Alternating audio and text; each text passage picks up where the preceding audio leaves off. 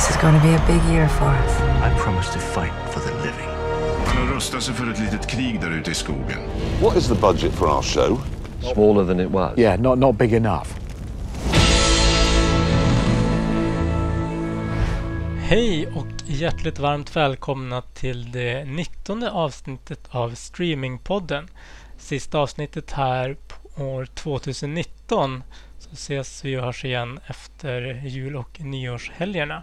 Det är som vanligt med mig, Jonas Rydholm Birmé och Magnus Svensson. Vi är båda från bolaget Ivin Technology. Hur ska du fira jul då Magnus? Har? Jag tänker åka till Göteborg och hälsa på bror och resten av familjen. Så att, Härligt. Mm. Själv så åker jag upp till Norrland och Umeå och får känna på lite snö och kyla. ah, en, en riktig jul. Ja, det blir en riktig jul, så det, det blir härligt. Eh, men det är inte vad vi ska prata om idag, eh, utan idag ska vi prata om naturligtvis TV4 eh, och eh, Kom hem. Vi ska prata om Disney och Disney Plus i, i Frankrike. Eh, hur upplägget kommer att se ut där. Och eh, vi kommer kanske framförallt ägna dagens avsnitt åt att eh, diskutera lite grann eh, om de trender, teknologitrender vi ser inför 2020 och framåt. Och avslutningsvis så ska vi prata lite grann om den här eh, affären. Inget uppköp eller så, men, men eh, partnerskapet får man väl säga eh, i form av eh, leverantör och kund eh, vad det gäller Amazon Web Services och Fox Corporations. Så det är dagens avsnitt. Så vi kör väl igång helt enkelt. Eh, vi kan väl börja med det som väl väldigt många redan vet och kanske drabbats av personligen. Eh, det är att den 11 december för eh, ganska precis snart en vecka sedan så eh, släcktes kanalerna, TV4s kanaler ned hos Comhem, eller Tele2 Comhem. Och Anledningen eller orsaken till det, det är, det är lite grann olika beroende på vem av de här sidorna man frågar. Men, men vad vi vet är att det, det sker diskussioner och eh, förnyelse kring ett distributionsavtal. Eh, och eh, där har man helt enkelt inte kommit överens. Och när man inte förnyar ett avtal så, så får det konsekvenser. Och det är väl här, här kommunikationen går isär mellan TV4 och Comhem såklart. Men vad, vad som hänt är att helt enkelt så, så kan man inte se på TV4-kanalerna på, om du har Comhem som TV-leverantör. Du kan titta på TV4 fortfarande via det marksända nätet om du har en egen antenn och eh, ett, eh, en TV-mottagare. Så behöver du inget kort. Men, eh, men om du ska titta på kanske ja, HD-kanalerna och andra kanaler, då, då har man inte möjlighet. Så att, för de som har ett komma hem-abonnemang blir det kanske en jul utan TV4 via, via, via TV-nätet i alla fall. så att säga. Eh, och eh, anledningen till, till detta eh, vet väl ingen egentligen exakt förutom de som sitter vid förhandlingsbordet. Men det som kommunicerats och skrivits om i, i media, vilket är också intressant, det som händer, att det är en väldigt öppen, öppen eh, konflikt. Eh, man för kommunikation mellan parterna i, genom media. Eh, nej, men och det är att, som enligt Kasten Almqvist på TV4 Media, då, att man inte är överens om det här med OTT-rättigheterna. Vi hade i tidigare avsnitt pratat om OTT-rättigheter och TV-rättigheter, de olika formerna och vad det egentligen betyder. Och det som, är, det som Kasten och TV4 menar är att de har ju fått det här... Äh, eh, de, är, de är ju EU beslutade ju för att köpet mellan Telia och TV4 ska gå igenom så behöver de ge OTT-rättigheter till minst en aktör på marknaden som har mer än 20 procent eller någon definition. Eh, och det här har ju, har ju TV4 tolkat som att eh, det är en part som ska få det. Och eh, de har valt att göra upplägget och det har de sagt tidigare även innan det här hände att eh, i början på nästa år eller första delen nästa år så, så ska de inleda de förhandlingarna med alla parter och det menas på lika villkor. Och eh, de menar ju då eh, på att det Tele2 kom hem håller på med just nu det är att de försöker skapa ett försprång till hela och få det här OTT-rättighets exklusiva som de tolkar det, avtalet eller rättigheten nu. Medan Tele2 kom hem argumenterar för att eh, och det här vet jag inte om det är för att de säger att Telia nu äger TV4 så menar de på att nu har Telia redan då de här OTT-rättigheterna eh, i och att, eh, att de tycker att det är fel, obalanserat där. Eh, och eh, Kasten har ju, och TV4 de har ju erbjudit att, att låta de här kanalerna finnas i Comhems utbud eh, utan att de behöver betala för det. Så de var ju villiga att förlänga avtalet. Men Comhem släckte ner. Och det sista här var ju då från TV4s sida då, får man väl understryka. Eh, och som, som sagt, OTT-rättigheter, eh, det har vi pratat om tidigare vad det betyder. Men man kan väl kort sammanfatta det som att det handlar om infrastruktur, oberoende distribution. Kan man säga det? Ja, faktiskt kortaste sammanfattning jag, jag har hört i ämnet. Men det, ja, det handlar ju om att, att man ska kunna distribuera via internet utan att ha ett, ett kabel, satellit eller marksänt abonnemang. Ja. Eh, och varför är det här då så strategiskt viktigt tror du?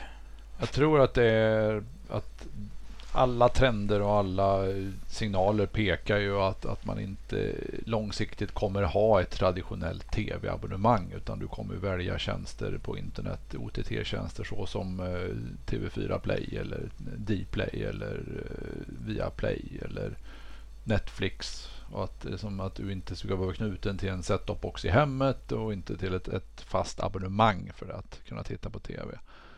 Och det är ju det här Tele2 i det här fallet anser sig vilja ha, vad jag förstår. Nu ska jag säga att jag har bara läst det som i pressen och inte varit med i förhandlingarna. Men att det är där du Tele2 försöker utnyttja förlängningen av kontraktet här för att även få med de rättigheterna. Mm. Så att eh, man, man, får förstå båda sidorna och det finns väl egentligen ingen vinnare i de här diskussionerna. För att i slutändan så är ju konsumenten Tele2 och eh, Telia förlorare skulle jag säga. Mm. Och det är också så tycker jag, vi har ju tidigare läst om uh, inför den här affären, Telia TV4-affären, att uh, TV4 och Kasten poängterade att det är ju räckvidd som är mm. deras huvudsakliga affär. Eh, så de ser ingen anledning att begränsa och, och göra det svårare för, för eh, att nå konsumenten. Men så sker det här som mm. är ju egentligen... Eh, nu vet jag inte exakt hur många eh, abonnenter kom hem har men det är ju en av de största eh, aktörerna i det området Vi pratar om ungefär en tredjedel av, av tv-tittandet ja. i, i, Sverige. Så att det, är, det är ingen försumbar liten spottstyver någonstans. Utan annonsörerna och annonsintäkterna måste ju synas ganska rejält för, för Telia nu.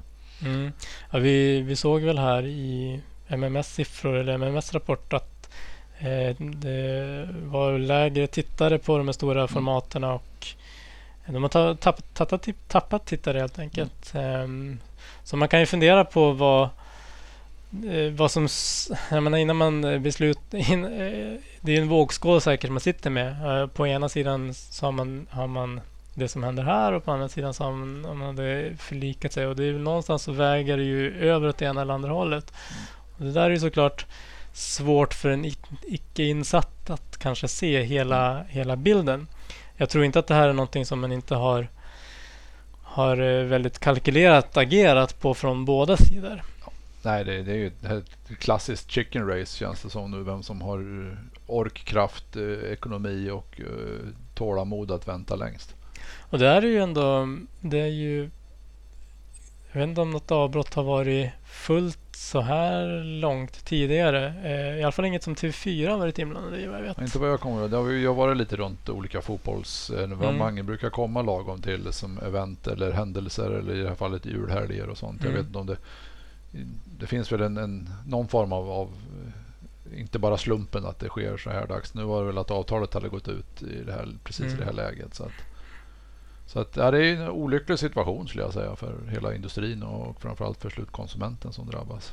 Men då ska man vara krass då, jag menar julafton och dagen innan julafton, det är ju eh, jag vet inte om det är några stora format. Det är de här uppesittarkvällarna mm. som, som TV4 brukar ha. Ja, Ernst brukar väl locka lite. Ja. Och då är frågan, vad, vad, vad gör konsumenterna nu istället? Mm. Tror du att de eh, några, några, upp sig på letar sig, några letar nog sig in på TV4 Play och, och, försöker titta där. Men jag tror inte det står för hela förlusten. Mm. Det, det tror jag inte. Samtidigt så kanske, kanske fler hittar in på de plattformarna. Så att, Eller så gör man, man umgås med familjen kanske. ja. Eller kanske- titta, titta på en av konkurrenternas kanaler. Jag vet Ja. att, att Tele2 har ju ansökt om, om temporära sändningstillstånd för fler kanaler. Så att de, de, Kan ersätta den platsen Ja. med... Mm. Ja, men det gäller ju då att det ska vara innehåll som, Mm. som är intressant. Det, det, det som det man kan reflektera över är hur- huruvida det är någon, någon av de icke-svenska aktörerna som, som vinner på det här snarare. ja, eller våra svenska konkurrenter i form av, av Viaplay eller Viasat och Mm. eh, Discovery och de här som också kanske tar över en del av tittandet. Mm. Och man då kan eh, vänja sig med det istället.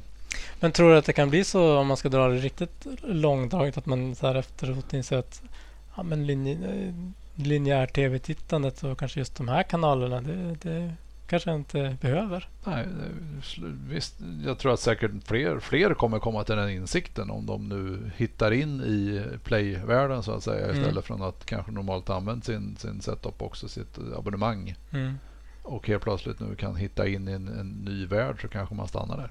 Mm. För jag tycker ändå det, visst det här, bevar- det här tas upp väldigt mycket i, i medier och även i, utanför branschmedia. Eh, och det är ju såklart säkert upprörda personer på respektive Facebook-väggar och allt sånt där. Men, men det har ju inte riktigt fått så stort ramaskri ändå som man hade. Hade det här skett för 15-20 år Mm. sedan då tror jag nog det hade... Absolut, absolut. Det har ju varit mycket lindrigare vad det gäller som ramaskri av, av eh, slutkonsumenten. Mm. Det känns som att dels tror jag man är kanske lite van vid det för att det inte är första gången det är konflikt mellan kanalhus och eh, distributör. Mm. Men även att det finns alternativ nu. Liksom inte bara att man går in på TV4 Play utan det finns alternativ i form av, av Netflix, HBO och andra som kanske redan hade börjat ta över men Mm. Som nu kanske får vatten på sin kvarn att det är där man fortsätter helt och hållet nu. Här vore det intressant, jag vet att ingen av oss är väl experter på det här området men det vore ju kanske intressant att fråga någon. Eh, vad säger, alltså, eh, jag tänker mig att eh, eh, vad säger konsument, eh, heter Konsumentverket, Mm. eh, allmänna, reklamations, allmänna reklamationsnämnden kring det här. Men jag, jag har ett kom hem abonnemang säger vi och jag förväntar väl att få det utbud som jag har, Mm. har, eh, har skrivit på så att säga. Mm. Eh, hur kommer Comhem behöva kanske kompensera eh, sina kunder på något sätt eh, Nej, utöver det jag, de jag, jag vet att de har, vad jag har sett i alla fall, nu är inte jag insatt i detaljerna men jag vet att de har kompenserat med frivisningar och andra Mm. kanaler så jag vet inte exakt vad som är stipulerat i avtalet om det är exakt TV4 du ska ha eller om det är för att jag vet ju ibland så har det hänt att kanalutbud ändras i ett, ett Mm. TV-paket så att Mm. Jag vet inte hur hårt knuten de är Mm. men självklart så på något vis TV4 är ju en, en, en stor kanal. Det är ju inte det är inte den lilla kanalen i hörnet som har Nej. försvunnit. Ja, det finns säkert reglerat i det finstilta Mm. att, att de kanske klarar sig under det. Men om man tänker sig utifrån vad konsumenter förväntar sig så Mm. tror jag att man, man har uppfattningen om, man, om jag betalar månadsvis för det här Comhem abonnemanget att jag får de här kanalerna som jag Mm. har eh, vill ha i alla fall så att säga. Ramaskriet borde ju kunna komma typ om du hade varit sporträttigheter och sådana saker, vilket stor del är om det är Mores i socker bland Mm. annat. Så det som de hockeyintresserade som sitter med kom hem och de kanske inte är överlyckliga just nu. Mm. Nej, och det borde väl vara, vara några som de Ja. stänger av de kanalerna Mm. också. Det är ju ändå fullt pågående. Det heter ju inte Elitserien längre. Eh, SHL och Hockeyallsvenskan nu. Så Mm. att, ja. Ja, men som sagt, vi har väl egentligen inte så mycket mer att tillägga kring det här ämnet än vad som redan har sagts. Men eh, vi har i alla fall tagit upp det här och eh, det, det, är mycket möjligt att vi om några år kan titta tillbaka och se att 2019-2020 då, då hände det någonting på tv-landskapet som förändrades. Mm. Eh, får vi se om vi återkommer till det. Då ska vi hoppa raskt vidare till nästa ämne och eh, eh, vi vet ju alla Disney Plus som lanserades här i 12 november för ungefär en månad sedan och eh, i USA och Kanada eh, framförallt Även Amsterdam i, och i, även i Europa och Ja. Australien och Nya Zeeland. Just det.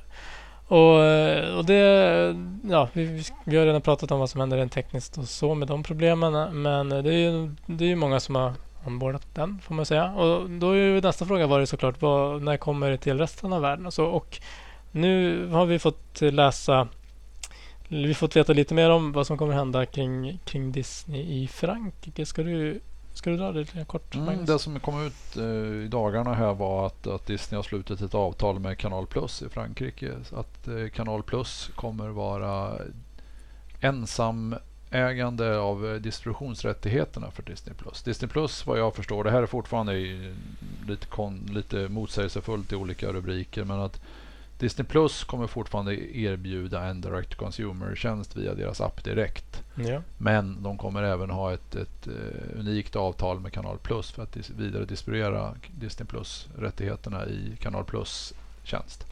Just det. Och det innebär att det är, något det är de har redan ett liknande avtal med Netflix. Det var inte med ensamrätt som jag förstår det. Men att, att Kanal Plus försöker ta den stora aggregatorrollen i Frankrike. Att via Kanal Plus abonnemang så har du Disney, du har ditt Netflix. De har, fått en, de har köpt en massa sporträttigheter tillsammans med Bein Sport. Mm. Vet jag. Mm. Så att de försöker ju göra en, en stor paketering av tv-tjänsterna i Frankrike. Mm. Inklusive Disney nu. Och där de har ensamrätt. Men är Kanal Plus i Frankrike också en kabel-tv eller en, en, en tv-distributör? Så Ja. att säga? Så att de, de, de är ju en motsvarande Comhem. Mm. Men jag tror att de har mer OTT-rättigheter också så att säga. Så att, så att det här är ju lite intressant och vad jag förstår så ska ju det här sätta riktlinjerna för hur Disney kommer jobba framöver med de olika länderna, land Mm. för land och det kommer att vara Mm. unika avtal och unika situationer. I, i vissa länder så, så tänker de ha både en direct consumer och OTT-tjänst själva plus Mm. att de rider med någon eller flera leverantörer. Mm. I vissa länder kommer de bara erbjuda sin Disney Plus streamingtjänst och inte ha avtal med någon, någon tv-leverantör. Mm. Och i vissa länder säger de att de även kanske ska bara rent, rent gå ut med ett, en, en, en bundlad tjänst tillsammans med en tv-operatör. Just det.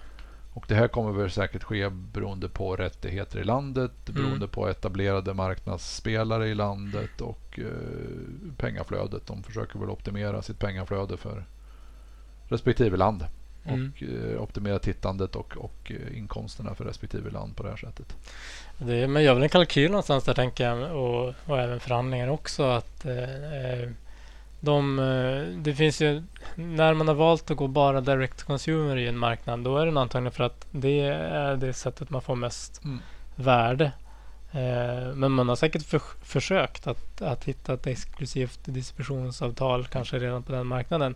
Eller vad som nu, nu ger högst värde om man, om man säljer rättigheterna till till lägre pris fast till alla och få räckvidden och så. Eller, men, men det är väl kanske det, det man är ute efter, att man kan få de här exklusiva avtalen som är ganska kanske, ja du betalar helt enkelt mer för att du har en ex, exklusiv rätt. Så ställer man det mot att okej, om man inte får till det, ja, men då har vi direct consumer eh, till alla. Istället för som det kanske var förut, att man sålde rättigheterna, till flera distributörer i samma marknad.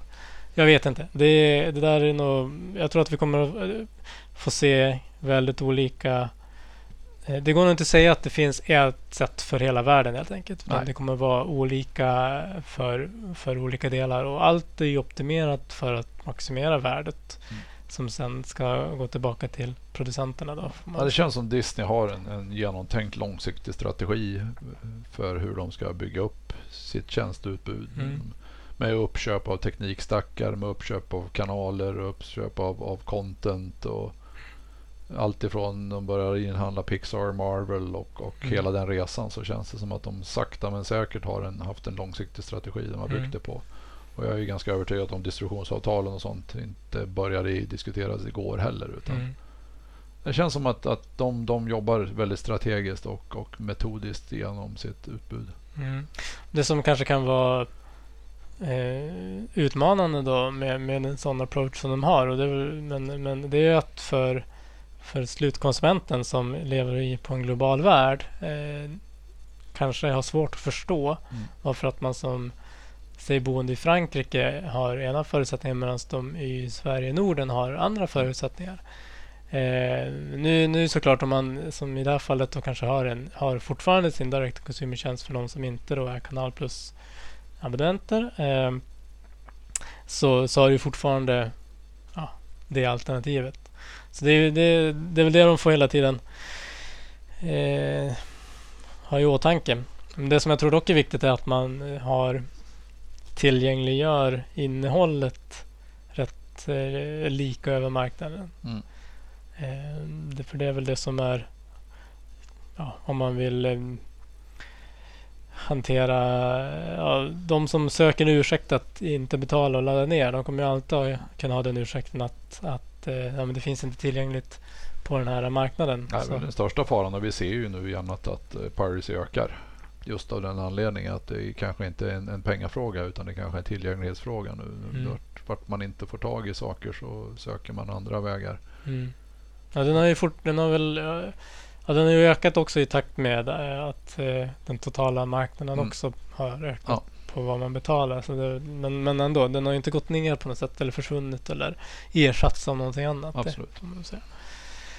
Ja, men det, det blir intressant att följa. Vi, vet väl fortfarande inte hur det kommer att bli här i Sverige med det hela, eller hur? Nej, jag vet det är faktiskt inte. Jag tror inte ens det är bekräftat att eh, i mars eh, när de släpper mycket i Europa kommer släppa i Sverige också. Det kan ju mycket väl bli att det är någon som har, har, samma sak här som i håller Frankrike. på att förhandla en, en rättighet till det. Så Ja. att, eh, jag har inte sett något bekräftade officiella att, att vi faktiskt får den i mars. Utan, Kanske vi kommer hem.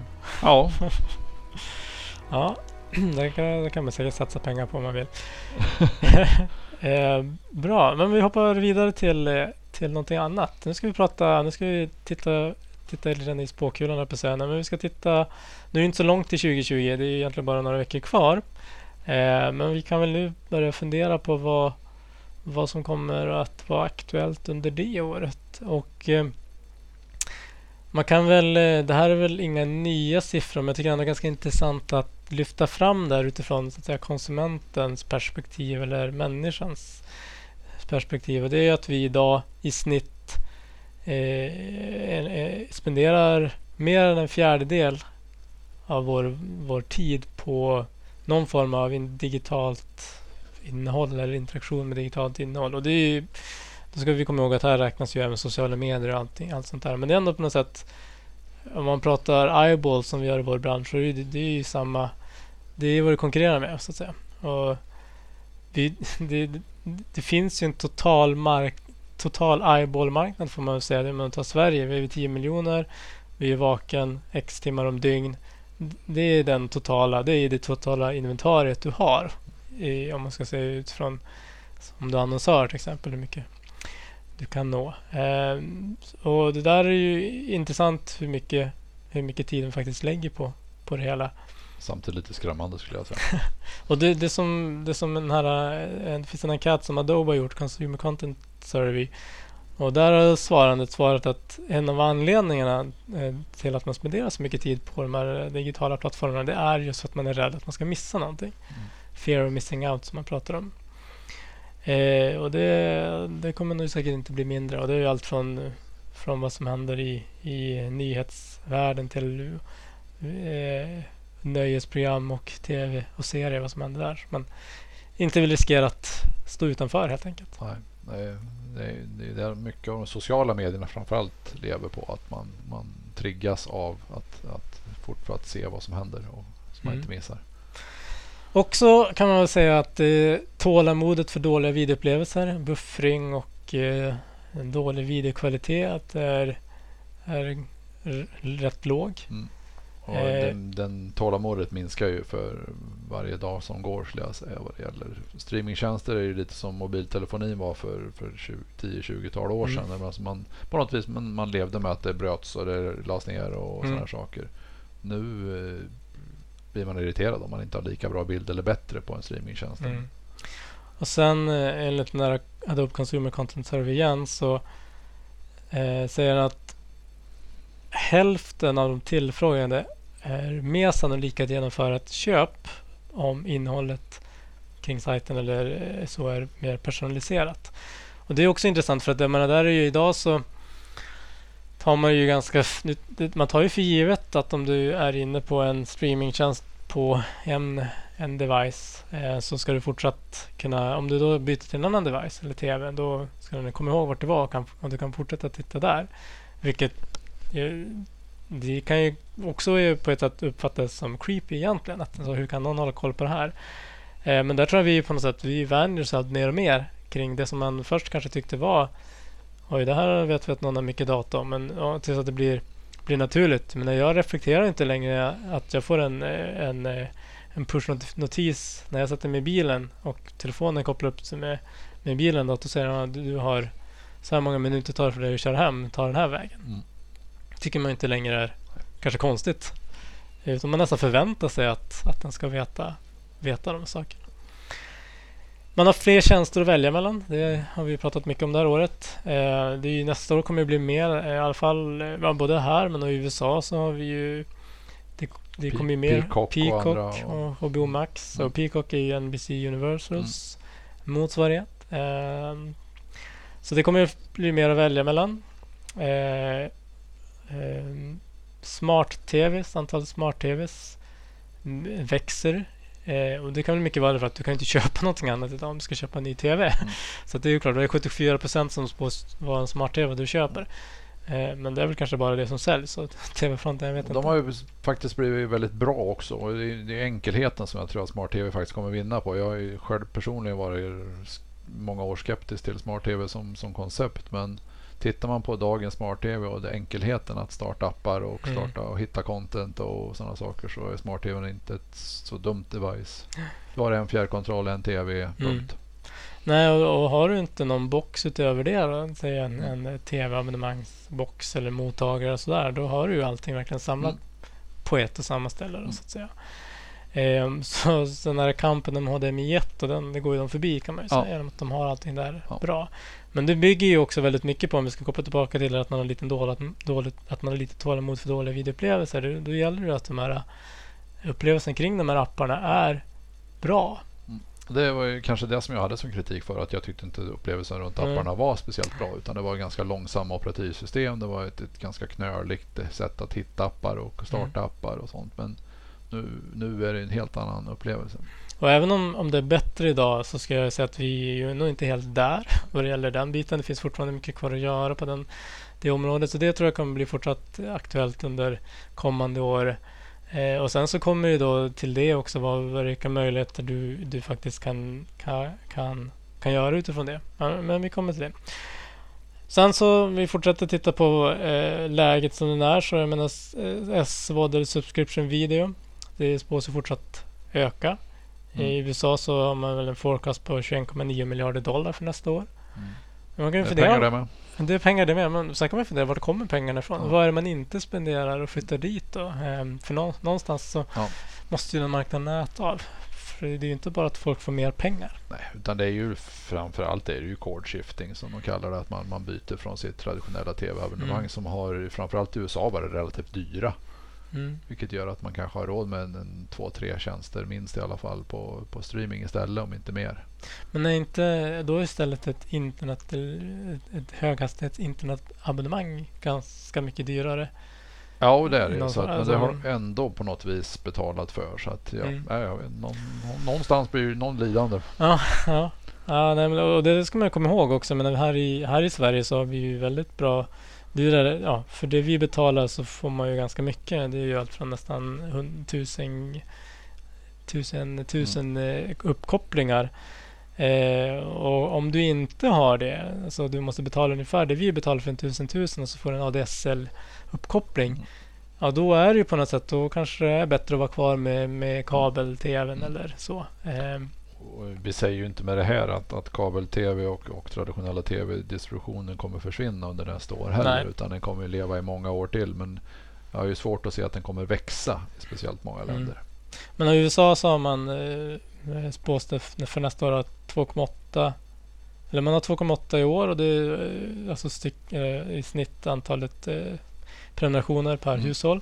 Och det spås inte öka till nästa år. Det är väl det som man kan. Nej, utan vi, vi kommer väl se en marknad med mer churn, mer hoppande mellan olika tjänster istället. Mm. Den, den tror jag vi kommer se som en ganska stor trend nästa år. Att man, man, om det inte redan finns så kommer folk hoppa ännu mer. Tror du att det kommer ge upphov till nya affärsmodeller? Ja, det tror jag. Jag tror att vi kommer se under nästa år redan. eh, Någon, någon måste försöka bryta den där trenden med, med SVOD. Och det, det kanske är traditionell eh, transaktionell VOD man köper lösvikt. Mm. Okej. Som jag tror kan faktiskt få lite uppsving igen. För att om du har fyllt din kvot med två, tre SVOD-tjänster så kanske dyker det upp en film eller en serie Ja. på någon annanstans. Och istället för att abonnera också på den så kanske du kan köpa dem. Mm.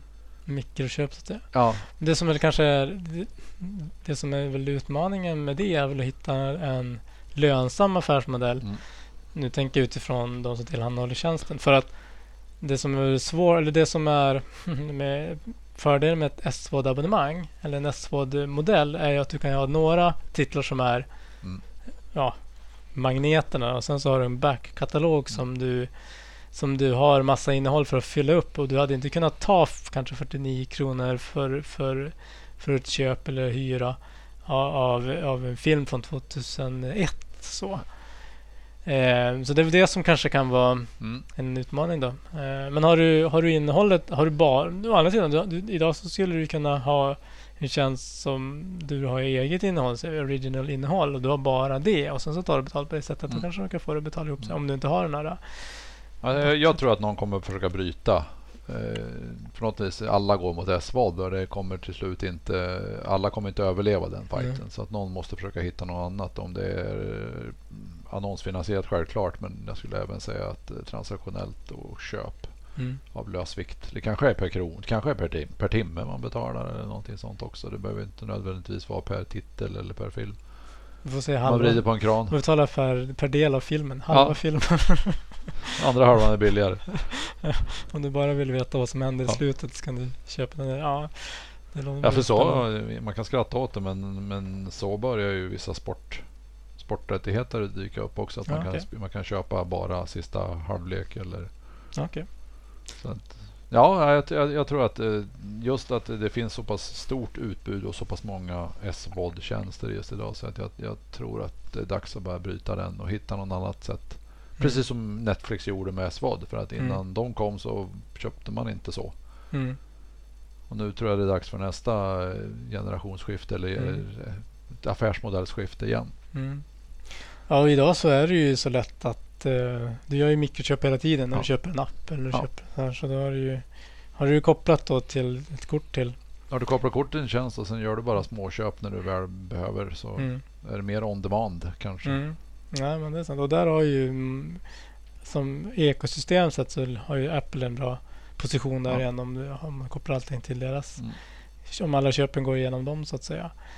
Eh, och här tror jag också att det ska vara intressant att se om det, kan, om det kommer någon tjänst som optimerar alla mina Alltså att folk byter abonnemang efter innehåll, det, det, det görs ju idag. Ja. Och det görs ju mycket manuellt idag. Och, eh, där kanske det kommer en tjänst som optimerar det för dig som, för dig som konsument. Mm. Det finns ju motsvarande som optimerar och hittar billigaste elabonnemang hela tiden. Eh, så kanske motsvarande finns där. Man, man, man fyller i vad man, ja. titt, man, vad, vad man är intresserad av vad man tittar på och sen att mellan eh, den här perioden den här perioden ska du ha HBO och mellan den här och den här perioden ska du ha Eller Via stänger av abonnemang som du inte använt på länge och startar upp dem igen om Mm. du börjar titta på något av deras innehåll. Mm. Eh, så körn blir ju eh, ännu viktigare att jobba med om du har en, en SVOD-modell i grunden. Och det kan ju tala för, som du är inne på, att man kanske går ifrån den för att man vet att ändå beteendet är så att man köper säsongskort egentligen. Det är Mm. det jag vill ha. Du betalar för kortare perioder än, än en månad. Mm. Eller, egentligen. Så att det kanske är någon form av subscription fast är kortare subscription-perioder Mm. också. Det, Istället för att du som du hela tiden behöver jobba med forecasting sen ser du att oj, det här kvartalet Ja. så, så hade vi en dipp. Fast man, man tror ju alltid att det är en eh, ständig Ja. tillväxt på saker och ting Ja. ibland. det skulle Eh. vara intressant att prova en sån modell som man betalar per timme eller någonting sånt. Så när du tittar så, så går taxametern igång. Mm. Då, Men- då konkurrerar du ju verkligen med content bara. Ja, och sen, vi pratade precis nyligen här om att smart-tvs blir fler och de blir bättre. Men också ska vi komma ihåg att antalet så streaming-devicer, allt från Chromecast till, till Apple TV och, och i USA Roku och de här. Mm. De, de blir ju också fler, eller de ökar ju. Och, och det betyder ju i praktiken att den här eh, uppkopplade tvn i vardagsrummet Alltså fler, har, fler hushåll har en uppkopplad tv i vardagsrummet helt Mm. enkelt. Och det skapar ju nya möjligheter när det gäller form av av eh, nya programformat eller mer personaliserade upplevelser och den biten också tänker jag. Mm. För det kan man väl säga att tidigare, om, om du tänker att det, är så fort, om det var, att det fortfarande är en så väldigt liten andel som har en, en, en uppkopplad eh, living room TV så att säga. Finns det, då är det för liten grupp för att kunna göra ett programformat kring eh, som, som det bygger på ett stort engagemang. Mm. Men när det, den enablingen eller den möjligheten ser annorlunda ut då kanske det börjar finnas ett, ett, ett intresse och ett värde av att göra en form av ett nytt programformat där du som, eh, som tittare eller familj är mer engagerad i, Mm. i hela utloppet. Mm. Det kan ju allt från att du har en det är, ju- det är väl kanske inget nytt men man kanske använder sms eller man, man, man använder andra integrationsmedel men att du kan styra eh, en game show om man ska öppna dörr A eller dörr B eller du kanske ska kunna styra en, en, en som på improvisationsteater nästan att du, Mm. du, du styr Styr skådespelare, styr, Handlingarna, styr ja. handlingen även i mer direktsända format. Jag tänkte Bandersnatch fast Ja. typ för live då Ja. får så. Ja. Nej, jag tror att det, det öppnar upp mycket för det och jag tror, än så länge kanske det har varit så att, att vardagsrummet på något vis och tvn där har varit opersonaliserad för du sitter Mm. hela familjen. Men jag tror att, att med fantasins hjälp så kan man komma på format så som man kan vara med och rösta, man kan vara med och, Mm. och påverka, man kan vara med själv och tävla i, Mm. i hemmet och sådana saker. Så. Ja, men så tittar man bara på, på, på de här, om tar Facebook eller Twitter, de har ju väldigt mycket interaktivitet inbyggt i hela sitt koncept. Nu sitter Ja. du kanske med din mobil och den är ju personlig Mm. eftersom du har den som tidigare. Så det är klart att ett, då ett living room tv-koncept, då måste man ju då, då måste man se det mer som att en ett hushåll Ja.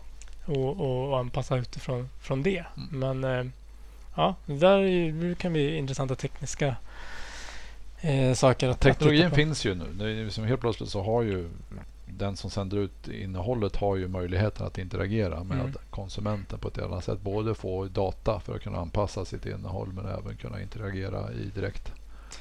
Mm, vad mer tror vi sker på teknologifronten nästa år?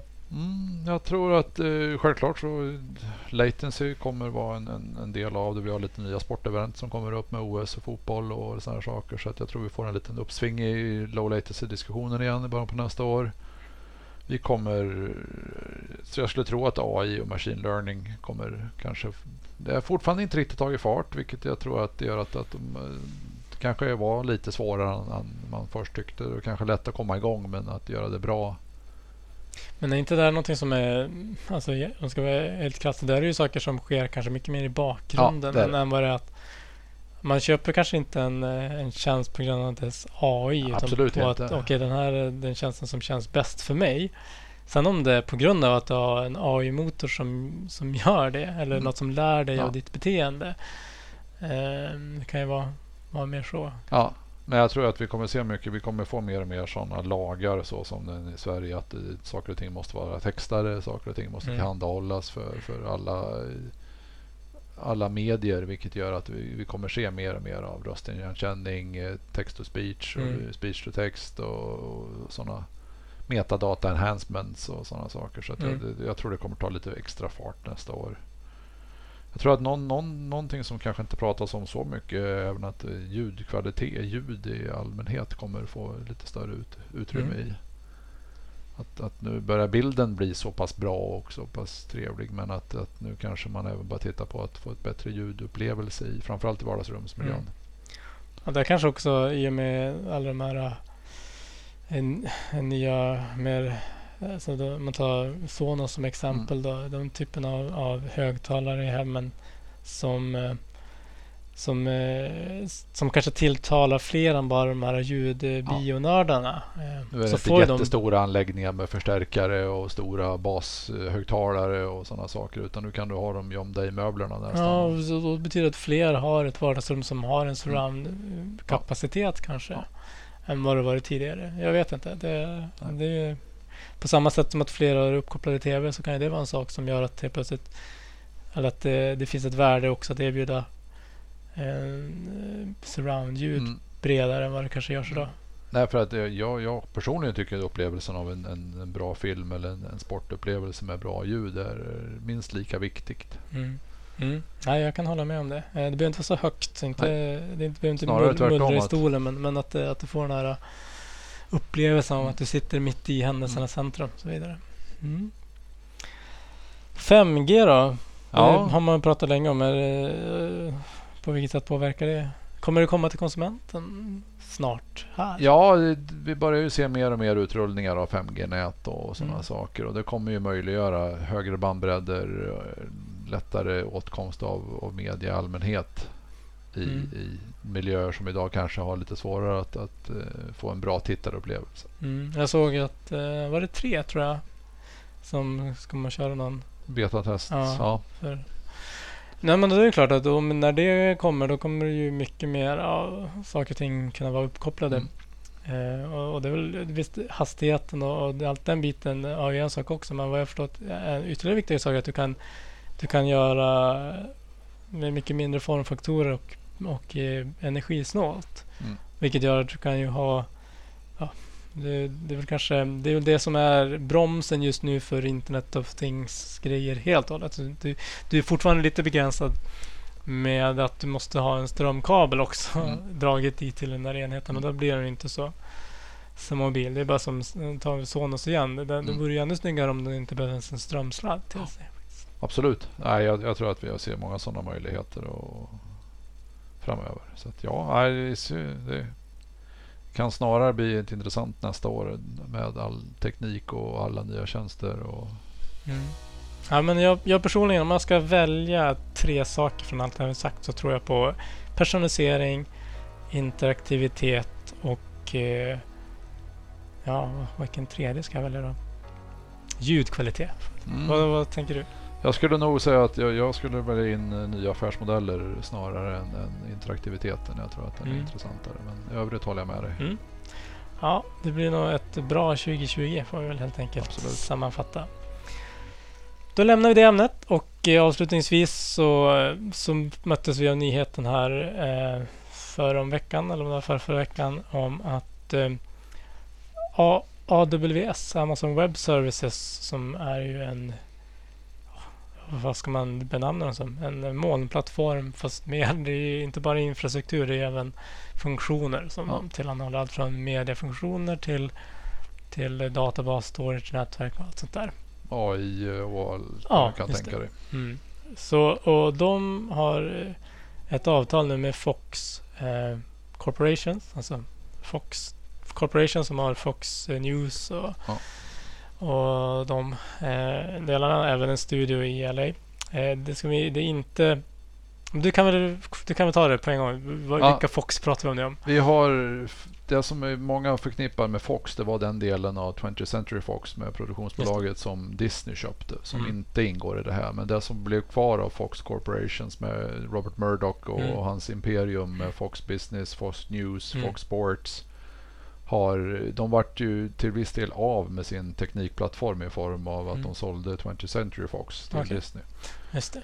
Så att- Så det var 20th Century Fox eh, som de Ja. då i princip använde sig till av. mycket av sina Mm. andra tjänster och det gjorde nog att de, vart, de stod med en möjlighet och en, en, en, ett, ett behov av en ny eh, tech-stack och Mm.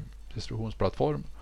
Och de har nu slutit ett avtal med Amazon att Amazon ska gå in och ta hand om stora delar av det. Oklart exakt hur Mm. stor del. Men Men och det, det man, man kanske förknippar AWS framförallt med det är att de är en, som sagt en, en software as a service-plattform eller leverantör och, eh, och väldigt mycket ja, det, det är många som använder det men, men, men man är, det är mer self-service av, Mm. av det hela. Build it yourself. Här får du Ja. IKEA-möbel, bygg den själv. Mm. Men här i det här fallet så skulle de gå in och göra dels hela distributions och KS-biten Mm. och allt den där OTT-sidan av det hela men också även på produktionssidan och ja, men hela Fox Mm. teknologistack då med allt vad det gäller nyhetsproduktion och tv-produktion till, till de här studierna i LA de har. Vilket ju är ju ett betydligt större Mm. eh, partnerskapen än bara vara kund till Amazon Web Services. Mm. Så det är mer av en det man kallar eh, operations-bit och det också, managed service då. Mm. Som jag inte hittills har sett eh, Amazon ge sig in på. Nej. Men å andra sidan så ger de sig in på det mesta. Så det var väl bara en tidsfråga när de skulle gå in på det här också. Så. Mm. Eh, nej, men så det, det, det är ju tydligt att de har större intentioner än bara vara Vara Mm. leverantör, leverantör av funktioner på molnet. Ja, precis. Eh, ja, men det blir intressant att se om det var, var mer. Men det kan vara bra att veta att de, de funderar på, på me, göra mer så att säga. Eh, vi kanske ska ta avrunda dagens avsnitt då helt enkelt. För nu har vi hållit på ett tag. Och eh, vi kanske ska önska god jul och gott nytt år helt Det får enkelt vi våra göra. lyssnare. Och eh, vi är på återhörande i nästa år, början på nästa år. Vi ses 2020 och eh, stort tack för att ni har hängt med oss 2019. Tack så så mycket. hoppas att ni följer med oss 2020. Ha det gott! Ni har lyssnat på Streamingpodden. En podcast för dig som är intresserad av streamingteknik och nyheter i området. Programmet produceras av Ivin Technology, leverantörsoberoende specialister inom videoteknik och mediedistribution.